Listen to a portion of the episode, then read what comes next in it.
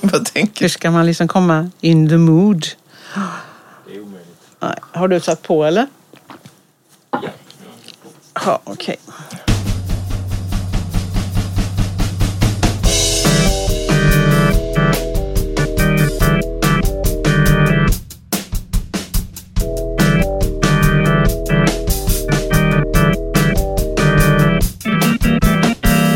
Hej Annika! Hej Lena. Nu är det höst. Nu är det höst. Ja. Mm. Och då får vi gå in i mörkret igen. Mm. Eh, och eh, det som kan vara som händer mycket nu i mörkret, vad är det? Jo, det är ju höstdepressioner har ju väldigt många människor och det är förknippat med ångest. För idag ska vi prata om ångest. Ja, och nu känner jag lite ångest för Mm. att prata om ångest. Mm. Mm. Jag tänkte jag skulle börja med att citera Bion. Wilfred Bion, vi har pratat om honom tidigare. Han har, lär ha sagt att eh, If you got no stomach for anxiety, you are in the wrong profession. Det vill säga om du inte tål, om din mage inte tål ångest, då har du valt fel yrke. Mm. Vad säger du om det Annika? Ja, alltså på något sätt så det ligger mycket i det. Samtidigt så är det ju så att ens utbildning och egen terapi och så faktiskt ju också hjälper en. Alltså att man själv har gått i terapi kanske hjälper en. Alltså att vi har samma ångest, men att, eller lika mycket ångest som alla andra, men vi har också fått lite eh, vi har tränat oss i att också tänka om den ångest vi får. Men eh, jag tror det stämmer. Mm. Och det är klart att i terapirummet så får vi ju från vi har ju båda haft från början en ångest över vår egen roll. Hur ska vi kunna vara bra terapeuter och ja, prestationsångest helt enkelt i olika former. Men sen får vi också mycket ångest från våra patienter naturligtvis. För i rummet far det ju runt ångest. Va? Så det ju, eh, kan ju bli väldigt massivt ibland. Precis, och nu, nu när du säger det här från början. Jag kommer ihåg när vi började. Jag vet inte om jag har sagt detta i podden innan. Men jag kommer ihåg när man hade så mycket ångest och prestationsångest i början. Ja. Inför att börja jobba. Så kommer jag ihåg att jag var ganska innesluten i mig själv. Precis. hur jag satt och och hur min röst lät och hit och dit. Alltså mycket mer egentligen. Man kan ju tycka synd om de patienterna idag. Precis. Men därför att det var så stort för mig. Och då hade ju inte du samma förmåga att lyssna in patientens Nej. ångest naturligtvis. Nej. Och det är ju faktiskt en aspekt av att ha väldigt mycket ångest. Att man blir väldigt mycket i sig själv. Eller hur? Och i sin ångestkänsla. Jag läste, och man blir uppmärksam på sig själv om man gör fel. Eller, och kanske tolkar också mycket att man gör fel. Mm. Och det är väl det många patienter kommer med. Som kommer för att de har ångest eller de har haft panikångest eller de har mycket ångest kring det mesta, social ångest och att, att, eh, att de känner eh, i sällskap eller i sammanhang hela tiden recensera sitt eget beteende. Att de, har, de får ångest för det och det och i den stunden glömmer man ju bort den andra. Så det är mycket det man får jobba med i, i terapi. Att patienter så småningom ska kunna se också sitt, sig i sitt sammanhang. Att det sitter en massa andra människor, för man får väl säga att alla människor har väl haft ångest någon gång, vad nu ångest är, i olika grader. Jag tänker på Selma Lagerlöf. Hon eh, beskrev alltså, ångestkänslan väldigt bra tycker jag. Hur man liksom dissekerar sig själv. Och hon beskrev det som anden med isögat. Ja, Som blickar på Ja. en själv. Och Ja. det tycker jag är en väldigt liksom, vacker beskrivning av. Ja, för det, ja, för det är ju att det finns någonting, det kommer inifrån. Mm. Som Kierkegaard sa, som, jag, som har skrivit en bok om ångest, att rädsla kommer utifrån, ångest kommer inifrån. Annika Koster och Lena Lundqvist är socionomer och legitimerade psykoterapeuter. De är verksamma vid Göteborgs psykoterapiinstitut. De pratar på om psykoanalytiskt tänkande och psykoterapi. Många patienter idag har ju, pratar ju om ångest, använder ju ångest väldigt frekvent. Det är väldigt alla människor överhuvudtaget tror jag, när man pratar även privat, använder ångest väldigt mycket mer än man gjorde förr. Är det inte så? Så att istället för att säga att man är rädd eller nervös. När hörde du sist någon sa att den var nervös? Det är ganska ovanligt. Det har blivit Säger man att man har ångest. Så att där kan vi prata i det oändliga om vad är ångest och hur ska vi definiera det? Är det någonting som, när man inte vet varför man är rädd eller mår dåligt? Eller, eller är det... Ja, så det har liksom skett en förskjutning där tror jag. Ja. Och att, att det begreppet det också liksom används för väldigt mycket som du säger. Många olika känslor. Det man kan tänka som skiljer till exempel från rädsla, om man ska vara lite sådär petig, det är ju att rädsla ofta bygger på ett definierat, man är rädd för någonting som Eller faktiskt fruktan. finns. Man vet vad det är. Ja. Medan ångest är mer, vad är det här kusliga som det skriver Kierkegaard också någonstans.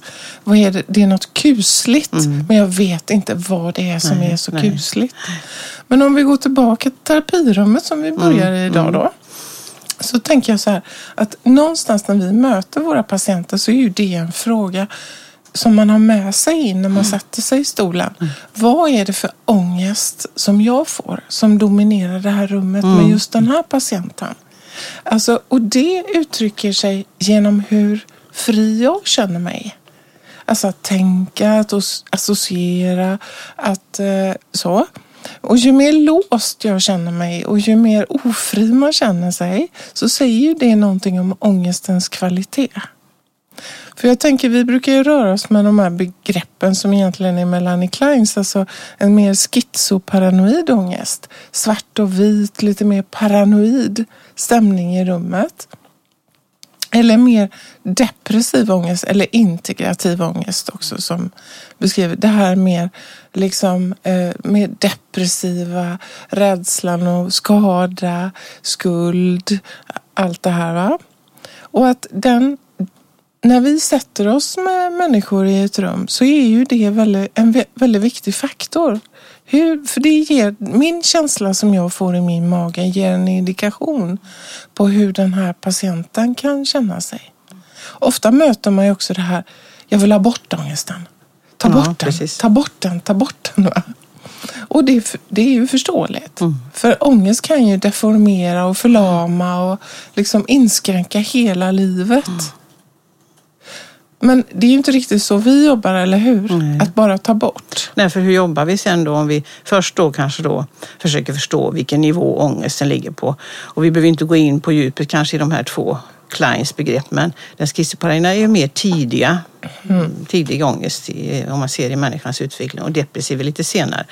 Eh, Men det man gör det är väl att man börjar med att, så att säga, stanna upp kring ångesten och patienten får beskriva hur det känns och när det händer och hur länge det har varat. Och, eh, och där i börjar man ju då gör man ju också stopp på vägen. Eh, hade det hänt något innan? Kände du igen det sen innan? Och så så att det, det är att försöka få en så småningom en förståelse för när ångesten kommer. Apropå det här med Freud, så att det är en signal om att någonting är fel.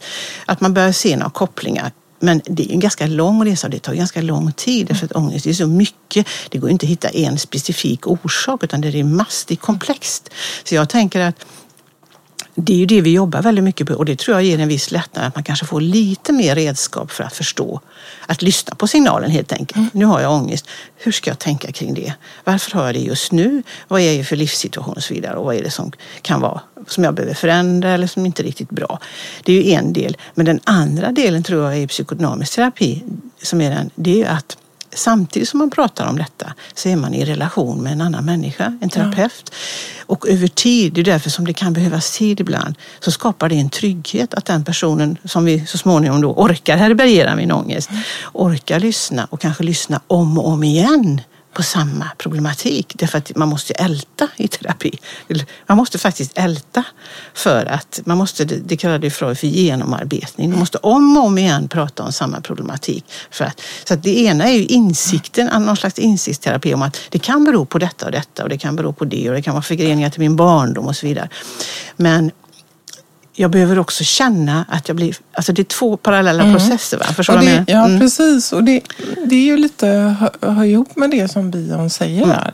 Att vår uppgift är ju att också härbärgera den ångest vi får till oss i rummet för att kunna så småningom tänka om den. Mm. Vad är detta för ångest och vad har den för betydelse i den här personens liv och hur uttrycker sig den Mm. här personen? På det sättet så får ju ångesten en mening då. Mm. Eller hur? Och det är ju det som kan göra en lite orolig i vår tid. Mm. Att förståelsen av varför saker och ting uppkommer. Mm. Alltså att, att det handlar mycket ibland om att det här ta, Ta bort. bort, ta bort, Ja, ja. med, medicinera, Eh, behandla med ECT. Alltså ta bort saker och ting. Men med det så lämnas kanske orsakerna till. För man kan ju tänka symptom som ångest faktiskt som ett, ett språk, en kommunikation om vad det är. Att här, hur kan jag förstå det här? Varför har jag sån ångest just nu i mitt liv? Mm, och det var ju det som Freud kallar för signal. Han hade ju två eh, ångestteorier. Den första var ju då att han, att han tänkte väldigt biologiskt. Att, att har du för mycket libido som han kallade det och det gick ju sen över till att kallas för livsenergi. Det är inte bara sexualitet utan alla energier, all potential du har. Om du liksom blockerar den för mycket så att säga va, och inte får utlopp för den då går det över i ångest. Det var en väldigt enkel förklaring. Sen senare i livet så gick han ju över mer till att prata om ångest som en signal från den inre världen om att någonting är fel. Och det är ju det Kierkegaard, som filosofen, pratar om också mycket. Att ångest är nödvändigt för människans utveckling. Det är inte bara att det är någonting hemskt du ska försöka hantera utan det är nödvändigt för att komma vidare i eh, och hitta din sanna potential, så att säga. Vem är jag? Ja. eh, så är ångesten ett sätt att, så det är någonting som varje människa måste eh, hantera och istället för att fastna i den, för det är det som är när man får symptom, de har ju fastnat i sin ångest och kan inte liksom använda den för att komma vidare. Och att man kan väl säga egentligen att vara människa innebär ångest. Ja, precis. Ja. Men nu när vi pratar om kliniskt så kommer jag att tänka på, för det finns ju också den här fobiska ångesten som man ibland kan möta med, alltså det här att känna sig instängd med någon eller instängd i en situation eller så. Va? Och jag kommer tänka på en åttaårig pojke för många, många år sedan som jag jobbade med. Och som absolut ville att vi skulle öppna fönstret i terapirummet. För det fanns en väldigt stark, liksom, han drog efter andan. När han kom in till mig, gång efter annan drog han efter andan. Eh, och, och jag kommer ihåg att jag sa, har du, har du svårt att få luft här inne hos mig? Och, eh, och, och jag, min tanke och min känsla var att han hade så svårt att känna sig inlåst med någonting, med någon. Så jag öppnade fönstret lite grann. Och sen pratade vi om det. Och då var det också så att alltså, hans föräldrar befann sig i en skilsmässoprocess. Och han kände sig väldigt liksom dragen emellan där. Och fastlåst på något sätt i en, inre situation där han skulle välja. Och Många barn tar ju på sig ett ansvar. Eller alla barn gör det. Eh, och, och då kommer jag ihåg att jag sa det. Du är fast här med mig i det här rummet.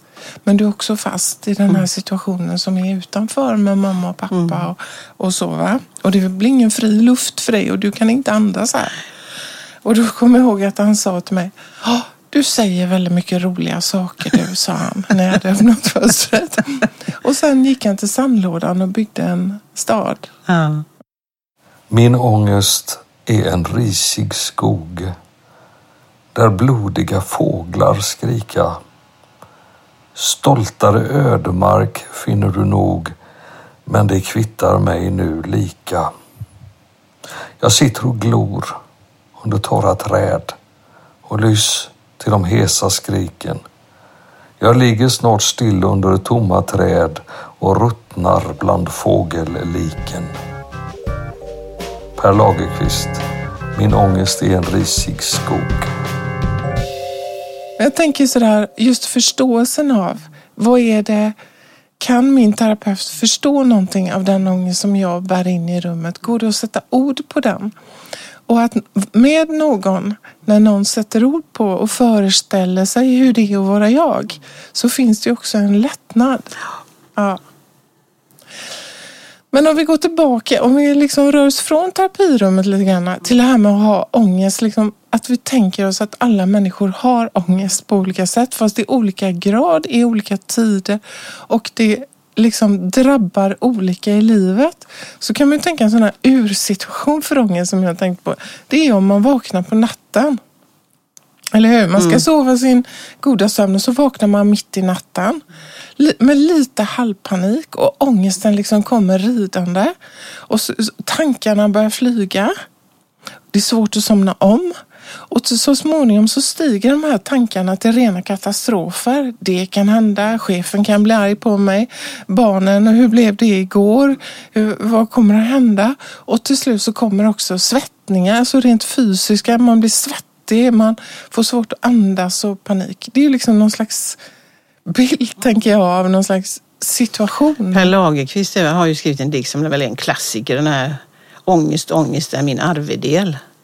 Och då har han väl någonting med att min, min, eh, eh, mitt, min strupesår, mitt hjärta skri världen. Alltså det är Ja. väldigt starka fysiska ord. För jag tänker för eh, ångest kommer ju från, tror jag, från angustian, och sånt där latinet och det betyder trånghet. Så att när vi tänker på ångest så tror jag vi tänker mycket på äh, andnöd och eh, tryck över bröstet. Alltså den, de här regionerna, att det är stängt. Ja. Att det liksom är, man får inte luft och, och, och, och, man tror hjärtat ska stanna kanske. Stark ångest är väldigt mycket den regionen. Och då pratar ju många av de här, eh, både Freud och Klein och det här om förlossningskanalen som den första trånga passagen. Att födelsen är den första ångesten. Eh, eh, och sen fortsätter, då, fortsätter det då utifrån vad betyder födelsen? Det pratade vi ju om i sorgavsnittet tror jag. Det är en förlust av någonting. Så att varje skede i utvecklingen, i normalutvecklingen innebär ju en förlust och därmed en ångest faktiskt. Så det är ju eh, ångesten av att förlora. Så det har ju mycket med separation att göra, förlust, att man är avskuren, from särskildhet, att man är, att man är ensam egentligen. Ja, och någon har beskrivit, någon har beskrivit ångest som att det är en, liksom en känsla av inre hemlöshet. Ja. Att man inte är dockad till, till sin omvärld eller till sin tillvaro. Eh, och nu när du säger det här med att det ligger i den här bröstregionen och andning och så. Så när jag funderar på det här så tänkte jag på i somras det som min mormor alltid brukar säga när, jag, när man hade haft en mardröm. Och så vaknade man på morgonen och så sa jag, "Åh, mormor jag har drömt något så, usch, jag har drömt en mardröm. Ja, det är maran. Hon var från Skåne. Det är maran som rider dig. Ja, så nu när jag tänkte på det här med ångest så, började, så tittade jag lite på det här med maran. Och i folktro så var ju maran just ett väsen som kom på natten när du låg och sov och satte sig gränsle över dig. Just vid brösttrakten så att du inte fick luft. va? Och det är intressant för det dyker upp redan på 1200-talet läste jag. Det här kvinnliga väsen. Och det det var ett kvinnligt väsen kvinna naturligtvis. Som då satte sig gränsle då. Va? Och det finns ju kvar i vårt språk, eller hur? Eh, mardröm. Det finns ju det kvar. Eh, nightmare, ja. Satmara. Just det. Eller Satmara. hur? Och, på, och I Bohuslän här ute på öarna så finns det också ett begrepp som heter tralemara. Vet du vad det är? Nej. Det är trålmara. Alltså som fiskarna fick innan de skulle gå ut på morgonen när det kanske var dåligt väder och det blåste och så. Så ka- så kallas de för trålmara. Ångest inför att gå ut på sjön. Så det här med mara har ju funnits i liksom Det är intressant att det är kvinnligt väsen då. Ja. Apropå Precis. häxan och sådär. va, Att det Ja. är, kvinnan tillskrivs någon slags hämnd kanske. Ja. Och vet du vad herpesutslag på läppen kallas för? Marekyss. Alltså att man Ja, blir kysst ja, av maran ja. så att man har fått liksom ett, eh, ja, ett utslag då. Och det är klart, har man hög ångest då kan man ju säga att man rids av maran då kanske. Ja, precis. En demon, en demonisk kraft. Men, men jag också tittar lite grann historiskt sett hur det har sett ut med ångest. Och varje tid har ju sina egna. Jag har läst, jag gick tillbaka till Karin Johannesson som tycker jag är så fantastisk. Hon är ju numera avliden. Men, Tyvärr ja. Ja, tyvärr. Så, eh, idéhistoriker som skrev just den här, vad heter det? Melankoliska rum. Melankoliska rum. Och hon skriver ju det att ångest ju, finns ju beskrivet på olika sätt sedan lång tid tillbaka, 1600-talet. Men man ser en väldig förändring i samband med 1900-talets början. Och det är ju då Freud verkar också. Mm, precis. Eller hur? Och då börjar man skriva om ångest på ett annat sätt. Och då var det ett väldigt upphöjt tillstånd. Mm. ofta för överklassen. Men för män mest va? Ja, för män. Och då var man lite hypersensibel. Liksom, man hade ett levande både känsloliv och intellekt. Och man hade ångest. Och här fanns, precis som du säger, en könskodning då. Kvinnlig ångest var mer liksom självhat, eh, självskada, mer så. Medan mäns var mer heroisk. Man tänker på Strindberg, Fröding, alltså mer utlevande, mer sådär va? Det är ganska intressant att så, så och då var ju det var ju också moderniteten, alltså övergången i industrialismen som kom. Va? Och frågan är om man kan tänka så idag också. Absolut. Eller hur? Det är de här, alltså, eh, industrialismen var ju förra sekelskiftet kring 1900 och kring 2000 så har du IT-revolutionen eller IT-övergången och det är också en liknande stor strukturomvandling i samhället som skördar sina offer. Och det intressanta är att Freud hade många kvinnor med neurasteni heter det. Ja. Och det var exakt samma symptom som utmattningssyndrom idag.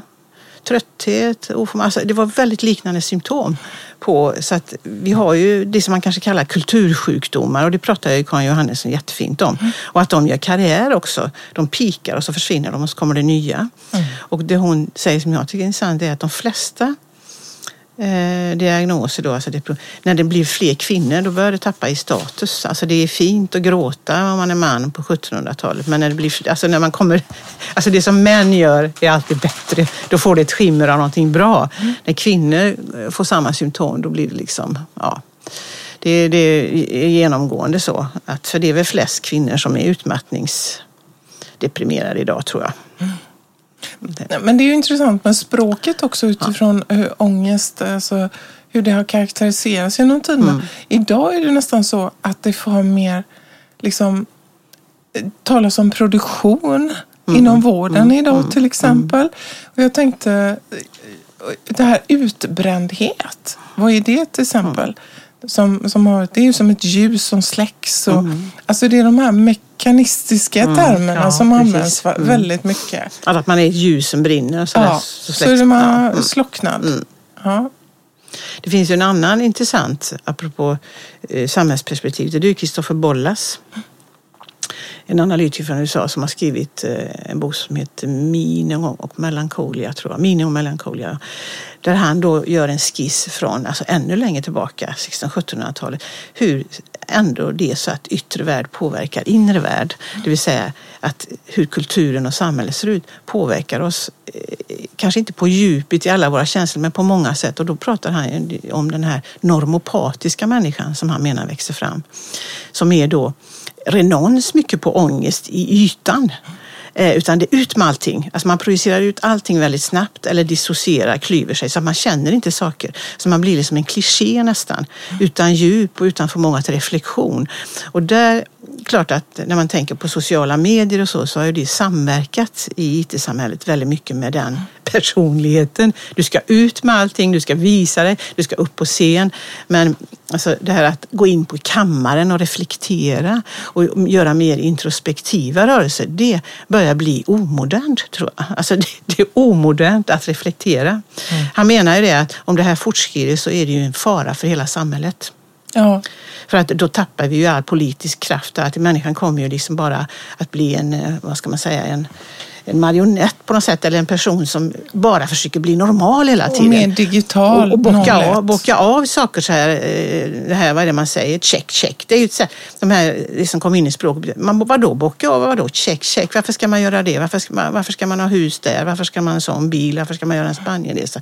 Vem har sagt att alla måste göra så? Den frågan har nästan försvunnit. Och, och, och där finns ju mycket ångest tror jag hos människor idag, att man inte är normal, att man försöker uppnå någonting som då skulle betyda att man har. Och då i den vevan, om man fastnar för mycket i det, då tappar man ju sin egen sanna potential, sin unika personlighet. Ja, och det är väl, det är väl då är vi egentligen tillbaka till det med det här med förståelse. Eller hur? Förståelse av min egen ångest. Vad handlar den om? Hur kan det här, varför kommer det här just nu? Att det är den delen som faktiskt tar lite tid. Ja. Och det är ju där, vi är ju liksom Ja, vi förfäktar ju vårans, våra sätt att tänka naturligtvis. Och det finns väl andra som tänker annat. Men någonstans så tänker jag, jag läste faktiskt i tidningen i morse att det var någon chef, alltså barn och chef inom barn och ungdomspsykiatrin någonstans i Sverige som sa så här. Ja, vi, har, vi har lyckats så bra, vi har ökat produktionen. Ja.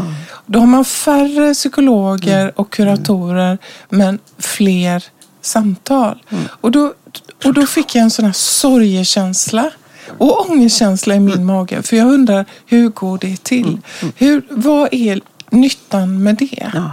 När inte ungdomar, barn, föräldrar får lov att i lugn och ro förstå. Hur ser det ut i våran familj? Hur kan vi förstå varför vårt barn mår så här? Eller hur kan vi liksom... Och att man får göra det i relation till någon. Och att inte det alls kan handla om produktion. Och det är det här menar jag med språkbruket också som söker sig in. Och det här som Jonna Bornemark pratar om förpappringen. Att man bockar av en massa grejer man gör och så missar man hela kärnuppdraget. Och det, det finns ju även i offentlig sektor nu på massa ställen som är obehagligt. Att man, det ser ut som att man gör något, men vad gör man egentligen och vad är det man ska, ska göra? För nu, då kommer vi ändå in på det här, tänker jag, som känns viktigt att prata om ändå, som kommer upp nu i media mer och mer. Och det är ju det här att man ska ta bort all ångest. Det, det, ångest kan aldrig vara bra medan vi förfäktar att det är bra och det kan vi, liksom, vi kan grunda oss på Kierkegaard och Freud och många som liksom det är självklart att detta är någonting bra, men det är ju graden av det naturligtvis. Jag kan ju inte som varken terapeut eller människa säga att din ångest, den är för svag för att du ska äta medicin. Det kan inte jag. Det måste varje människa själv bestämma. Att man kanske är tvungen att ha medicin för att det blir så påverkar ens vardagsliv så mycket. Va? Det kan man inte ha en tanke om, men det som händer idag är väl att man skriver ut det liksom hela tiden för att ta bort någonting, inte för att lindra en ångest som kan bli för hög i en period. Utan man tänker att man ska ta bort det. Det finns ingenting bra med det. Och då har vi en övermedicinering naturligtvis idag som är förfärlig när man tittar på siffror, till och med Socialstyrelsens siffror. Jag tittade igår för 2018 och eh, alltså Först har vi ju då när SSRI-preparaten kom, de här antidepressiva på 90-talet, då var det ju liksom en, jag tror det är 700 procents ökad förskrivning mellan 95 och 2007 eller något sånt där. Det är enorma siffror. Men sen har det ju fortsatt att öka. Och det som var förfärligt med det jag läste igår, det är ju deras egna siffror, det är att kvinnor över 85 år, där äter 30 30 procent äter antidepressiv medicin. Och det är inte kopplat till någonting annat. Inga samtal om ålder eller vad det nu kan vara. Ingenting, bara 30. Mm.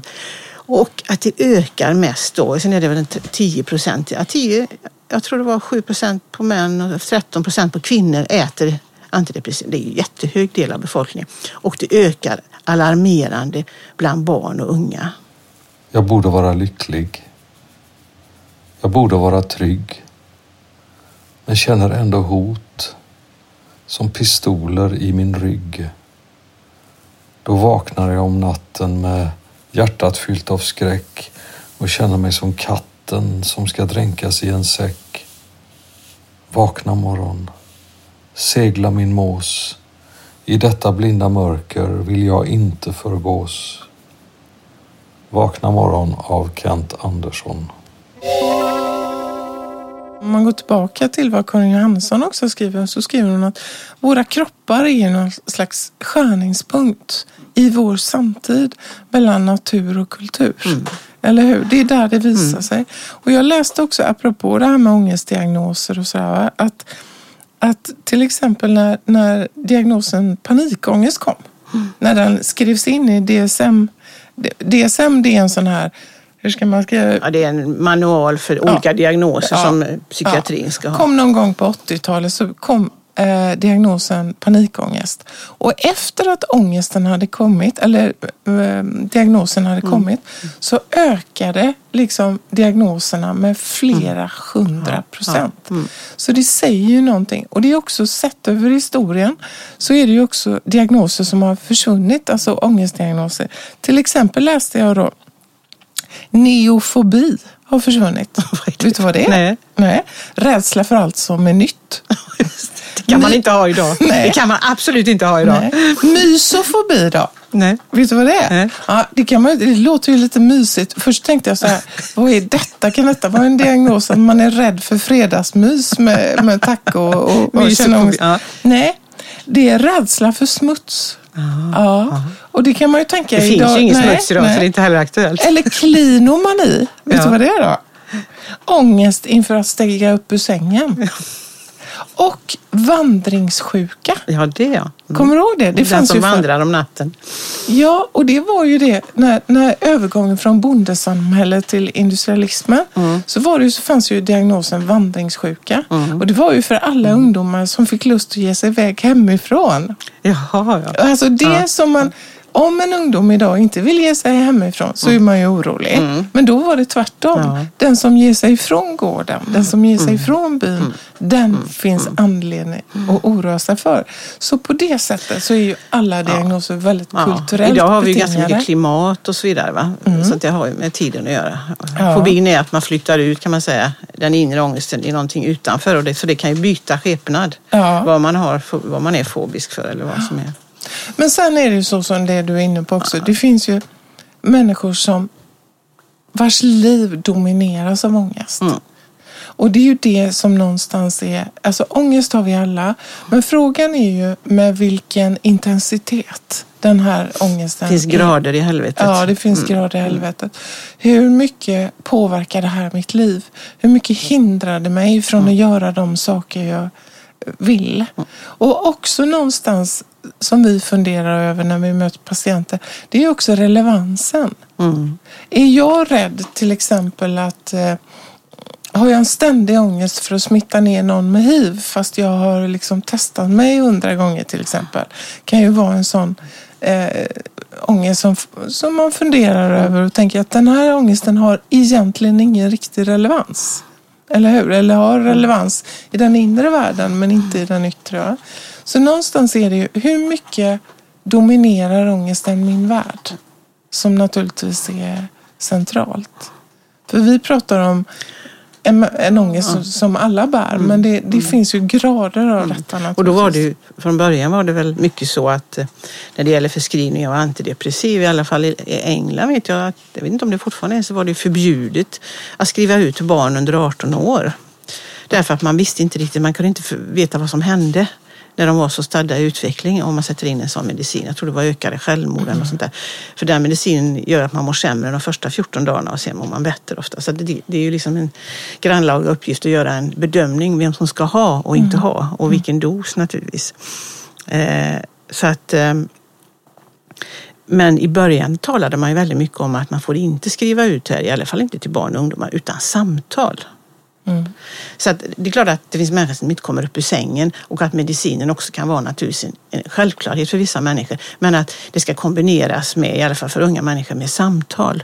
Eftersom man tänker att man kan inte bota, det är väl ingen som tror att man kan bota ångest och, och annat med tabletter, men man kan lindra och dämpa. Eh, Men det har tagits bort. Idag skrivs det ut på löpande band utan samtal både hit och dit, både till unga och gamla. Så det har ju blivit, och då måste man fråga sig varför? Alltså vi, vi, om vi konstaterar att det är så, det är så tydligt idag. Varför är det ingen som bromsar här? Varför är det ingen tanke kring att skriva ut? För det är ju ingen som vet riktigt vad som händer med människor som äter detta i åratal. Det tror jag ingen kan svara på. Och då tänker jag, jag vill bara säga det, det finns ett vinstintresse. Vi får inte glömma det. Det finns en läkemedelsindustri som tjänar väldigt mycket pengar på psykmedicin. Mm. Och eh, det, tyvärr, så jag vill inte säga att inte de är seriösa, men det är ändå ett vinstintresse. Så fort det finns ett vinstintresse så finns ju risken att man gör avkall ibland på seriositeten.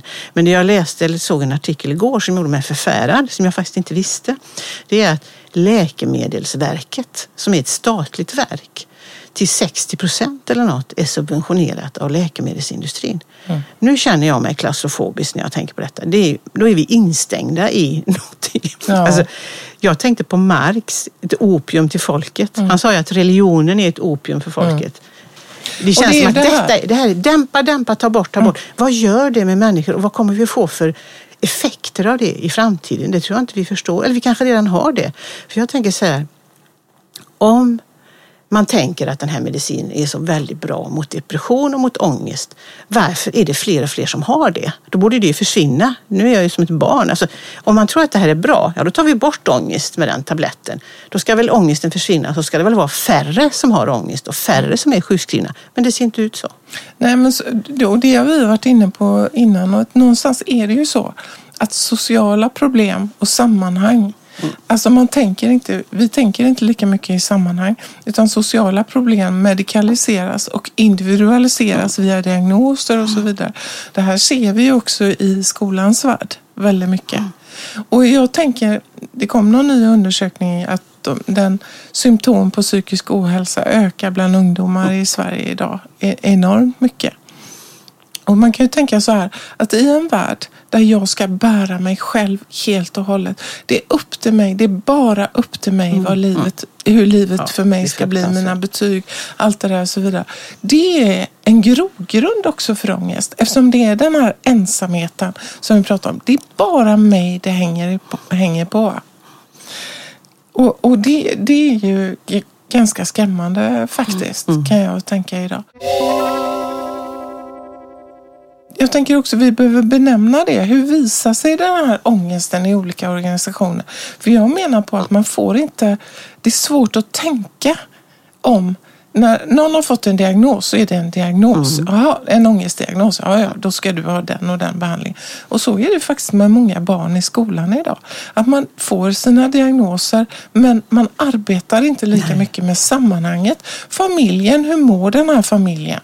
Och jag tror att vi kan också med gängkriminalitet all, all gängkriminalitet, skjutningar och så handlar ju till syvende och sist också om enskilda individer mm. som dras till det här. Mm. Som också har haft många svåra hemförhållanden och en väldigt social ojämlikhet. Eller hur? Och någonstans så kommer man aldrig komma till rätta med detta om man inte ser människan i sitt sammanhang. Mm, mm. Apropå förståelse. Ja, det behöver, behöver, inte vara något fel att ställa en diagnos för att diagnoser är till för att man ska kunna prata med varandra ja. och, och, så vet man ungefär vad det är för problem en person har. Men sen kommer ju nästa fråga. Vad ska du göra nu? Eller vad, dels att man kan ställa en diagnos och samtidigt titta på hur det ser ut i familjen. Så nu täcker man ju över ibland känns det som både misär och missbruk och missförhållanden i hemmet genom att ställa diagnosen. Då är barnet instämplat på något sätt och sen tittar man inte mer. Man måste göra både och. Och det som blir då med det, det är att, att den här ångesten som inte tas om hand tenderar ju också att sprida sig i organisationer. Mm. För det som, sa, som Freud sa, eller det omedvetna är ju tidlöst. Så den ångest som inte är omhändertagen på en plats kommer att dyka upp mm. på nästa plats. Transport. Både i generationer mm. men också i parallell, det vi kallar parallellprocesser i organisationer. Och det är ju det här vi ser ofta, att det blir svårt att tänka om eh, en, inom en personalgrupp eller det blir paranoia. Eller, mm. Så ångesten åker runt istället för att tänka, vad är det vi sitter med för ångest? Mm. Varför kan vi inte komma fram till ett bra tänkande kring det här barnet eller den här uppgiften vi ska mm. göra? Utan det, det är ångesten som dominerar. Mm. Och jag menar på att, att inte tänka i sammanhang, inte tänka i relation. Vad blir jag bärare av? Mm. När jag jobbar som pedagog med det här barnet mm. i skolan. Att när man inte får möjlighet att tänka om det så är risken mycket större att man agerar, snabba lösningar. Så. Mm. Därför att det blir en så, i grunden en sån vanmakt mm. kring det här. Och det kan man ju lösa på olika sätt. Antingen kan man skicka ut det då, va? Och eller så kan man sätta det i sitt eget system och då blir man ju sjuk. Ja. Vi har ju väldigt höga sjukskrivningstal med lärare till exempel. Äldre kvinnliga lärare vet jag är jättehöga. Så att det är ju så att det blir ju de andra som får ta hand om det då om man inte tar hand om det i familjen ja. eller med barnet så är det någon annan personal. Det flyttar runt ja. Precis. Och det är väl det vi gör när vi handleder grupper inom olika socialtjänst, skola, vad det kan vara. Alltså, det handlar ju mycket om att, att hantera ångest mm. och tänka om den ångest man får till sig ute i sitt jobb. Oavsett var det är någonstans som man, jobb, man jobbar. Och det är ju det som är vårat egentligen liksom grunden att kunna tänka om den mm. ångest man får till sig. Och för att tänka så måste man stanna upp ja. och reflektera. Ja. Och kanske introspektion både i sig själv, fundera, tänka, reflektera. Och det är väl det utrymme som börjar minska överallt i många organisationer. Det finns inte så mycket tid för reflektion. Att personalgrupper får sitta så här och tänka. Och det gör att det blir nästan så att ja, det är inte bara deras fel menar jag, utan det finns inget utrymme för det och då måste jag agera istället. Det krävs av mig. Apropå det här med pinnar och, och så vidare. Va? Och, det, ja, det... och även kan det ju leda till det som Jonna Bornemark också pratar om, en etisk stress och ångest. Att jag kanske tvingas göra saker i mitt jobb som går emot Mm. det jag faktiskt är utbildad för. Det vill säga se till det här barnets bästa eller den här familjen eller så. Och finns det inte tid att reflektera kring det och jag bara hamnar, känner att jag hamnar i liksom processer där jag bara ska utföra saker eller dra ner saker så, så får, hamnar ju ångesten i mig. Och det blir väldigt tungt. Men har man en, en grupp som kan reflektera kring det här. Det här bär vi allihop. Hur ska vi tänka om det? Vad ska vi göra med det? Så blir det ju en annan. För man kan ju tänka att ångest när den containers, som vi säger, container, man ser en container framför sig, eller härbärgeras, kan ju i bästa fall leda fram till en kreativ handling. Mm, mm, Eller hur? Man kan ju tänka om man har haft ett, ett, chef, ett Mm. gräl med chefen på morgonen och så får man jätteångest över det. Så går man och pratar med någon eller sin, sina andra kollegor eller Mm. på något annat sätt i organisationen. Och sen bestämmer man sig. Nej, jag ska gå och prata med min chef. Och ofta så är ju det att när det leder fram till en handling av den karaktären så lindras ju ångesten. Så lägger sig ångesten. Och det är väl det som Kierkegaard, eh, som jag har läst lite, som har skrivit en bok som heter Begreppet ångest, säger någonting om att människan lever mellan så att säga, det som är verkligt och det som är möjligt. Det är därför som vi har ångest. Djuren har ju inte det. För vi kan se att det här skulle jag kanske kunna göra och så här lever jag. Och hela tiden så handlar det om att försöka bli fri i någon mening. Va? Att människan strävar efter det med automatik. Va? Och då måste jag, och ångesten är då till för att jag ska så, så småningom bli mer och mer sann i förhållande till mig själv. Ja. Och därför så är det ju, och det, därför så är, ska man ta emot ångesten menar han, med den, den är nödvändig. Försöker man undvika den så är det liksom, det är nästan så att han skriver att det är det, det, det får man inte göra som människa och inte ett samhälle heller därför att hela utvecklingen i samhället stannar av. Och då tänker jag på det här med medicinering. Vad händer med oss människor om vi går drogade? Liksom, eh, vad kommer att hända där framöver? Det är lite obehagligt att tänka så. Va? Att vi inte tänker så att nu ska jag börja titta på min ångest och reflektera över den och se vad den... Och då kanske jag kan härbärgera den. Eller också kan jag inte det. Men då är det liksom den här avvägningen hela tiden. Jag kan ju fastna i det också. Mm. Eh, Men han menar ju att människans uppgift är att lära sig hantera sin ängslan, tror han säger. Det är det vi, det är det, det är, det vi är här för att göra. Ja. För att vi ska få, och det är ju meningen, det påminner ju om Freuds signalsystem. För att få ett någorlunda bra liv eller mål, så måste jag ta emot min ångest för den är självklar och lära mig att läsa den och hantera den på bästa sätt. Antingen ensam eller med hjälp av andra eller så vidare. Och kanske ibland också att man kan ta en tablett, det är ju inte det. Men att man liksom, det är det som är uppdraget, inte att ta bort den.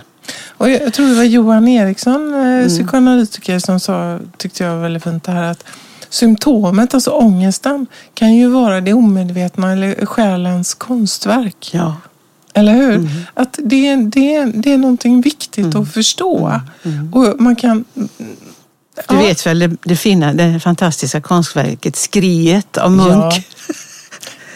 Det- Och det, skriet av Munk, vet du vad det är? Det pratar Karin Johannesson om vargmelankolin. Ja. Vargen, den ensamvargen, det här, liksom vargen som äter små grisar och mormor och allt sånt där. Va? Vargen är Vargtimmen. Vargtimmen, precis. vi om på natten, ja. Den här liksom lite maniska ångesten, liksom, också lite lik maran där.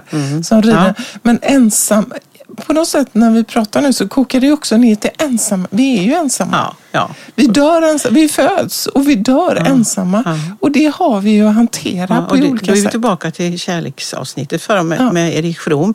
Att han menar egentligen då att den här särskildheten, ensamheten, att, att stå ut med den så småningom när man börjat acceptera den, avskurenheten då. Va? Det är därför vi söker oss kärleksobjekt, för att vi inte ska känna oss ensamma. Fast vi är det ändå. Va? Och det menar han ju är, all ångest springer ur detta.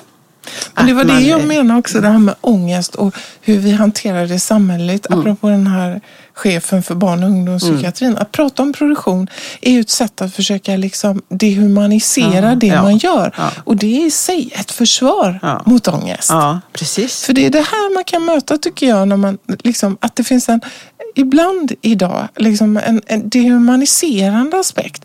Som om man inte vill känna Artificiell av. intelligens. Vi är snart bara robotar. Ja. Ja, visst. Men det ligger ju i tiden faktiskt.